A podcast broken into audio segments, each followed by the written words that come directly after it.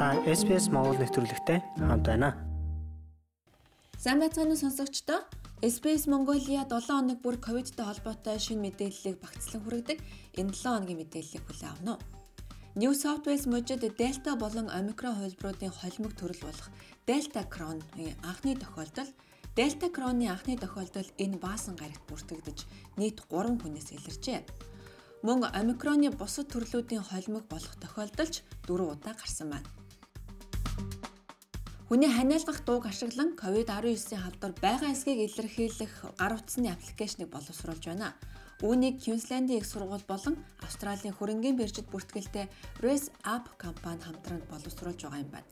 Америкийн нэгдсэн улс болон энэтхэгт 741 өвчтөнд хийсэн туршилтаар халдвар авсан хүмүүсийн 92% нь ковидын зөв илрүүлсэн байна. Энэ нь rat онцлуурын үр дүнгээс давсан үзүүлэлт юм байна. Виктория мужид цар тахлын тухай хуулиа дахин 3 сараар сунхааруулжээ.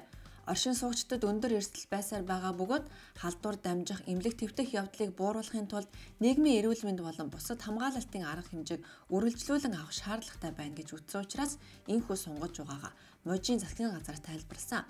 За гэхдээ иргэд энэ цар тахлын тухаглалыг Викториягийн засгийн газарт илүү их мэдл өгч байна гэж эсэргүүцэн тэмцэж байсан билээ. Саут Австралийн мужид халдварын тоо нэмэгцээр өнгөрсөн 5 гарагт 5784 тохиолдол гарсан нь хамгийн олон тохиолдолтой өдөр болон бүртгэгджээ. Гэхдээ сайн мэдээ гэвэл судалгааны явцад энэ өндөр үзүүлэлт нь 8000 орчим гарах магадлалтай гэж үзэж байсан ч өдөрт 5000 орчим байгаа нь сайн юм а гэж мужийн эрүүл мэндийн газраас мэдэгджээ. Одоогоор мужийн вакцины хийж байгаа эмнэлгүүдийг уртсгасан цагаар ажилуулж аль болох олон хүнийг хамруулахыг хичээж байна. New South Wales мужийн эрүүл мэндийн сайд Brett Hazard COVID-19 шинжилгээнд эерэг гарчээ. Тэрээр вакцинд бүрэн хамрагдсан бөгөөд ажлын уулзалтанд виртуалаар оролцохоор төлөвлөж байна. Виктория мужийн сурагчдад рат онцлуурыг эрэх улиралж өргөжлүүлэн олгохоор боллоо.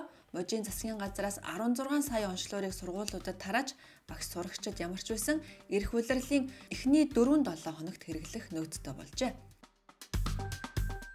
Австралийн ерөнхий сайд Скот Моррисон халдварын ойрын хавьтал болсон хүмүүсийг тусгаарлах ёстой дүрмээ сулруулахыг мужийн сайд нарт уриалжээ. Хэдийгээр өвлийн улирал тохиолдлууд нэмэгдэж болзошгүй гэж анхааруулсан ч тэрээр ийхүү уриалга гаргасан байна. Австралийн эрүүл мэндийн салбарын дэлхийд daярах COVID-19-ийн цар тахлын нөхцөл байдал COVID-19-ийн шинэ хувилбар болох XE гарч ирж байгааг анхааралтай ажиглаж байна. Шинэ хувилбар нь омикроны анхны омог болох BA1 болон BA2-ын хооронд хөндлөн хувилбар гэж үзэж байна. XE нь анх 3 дугаар сарын дундуур Их Британд илэрсэн судлаачид энэ шинэ хувилбар нь сүүлийн хувилбараас 10%-аар илүү хурдан халдварлах боломжтой гэж үзэж байгаа. Бөгөөд илүү их судалгаа хийх шаардлагатай байна гэж үзжээ. Northern Territory-д зарим хязгаарлалтаа зөөрлүүллээ. За тухайлбал оршин суугчид бар, паб, шөнийн цэнгэний газар, ресторан, казино болон кино театрт ороход вакцины нотлох баримтаа үзүүлэх шаардлагагүй. Австралийн тархвар судлаачид COVID-19 тохиолдлын бодит тоон одоо мэдээлж байгаагаас хамаагүй өндөр байж болзошгүй гэж үзэж байна. Учир нь шинж тэмдэггүй байгаа хүмүүс, PCR болон ратын шинжилгээ өгдөггүй хүмүүс зэрэг нь үүнд нөлөөлж байгаа юм байна. Төв Австрали мужи гаднаас ирж байгаа иргэдэд тавих шаардлага зөөлрүүлсэн байна.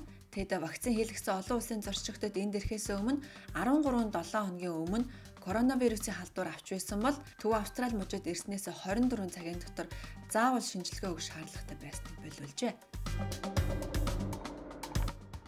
Эрүүл мэндийн сайд Greg Hunt эрхэн үүссэн австралчуудыг вакцины дөрөв дэх тунгаа хийлгэхийг уриаллаа. Түүний хэлж байгаагаар улирлын томооныхаа вакцины хоёр дахь тунтай хамт нь хослуулж хийлгэж болох гинэ.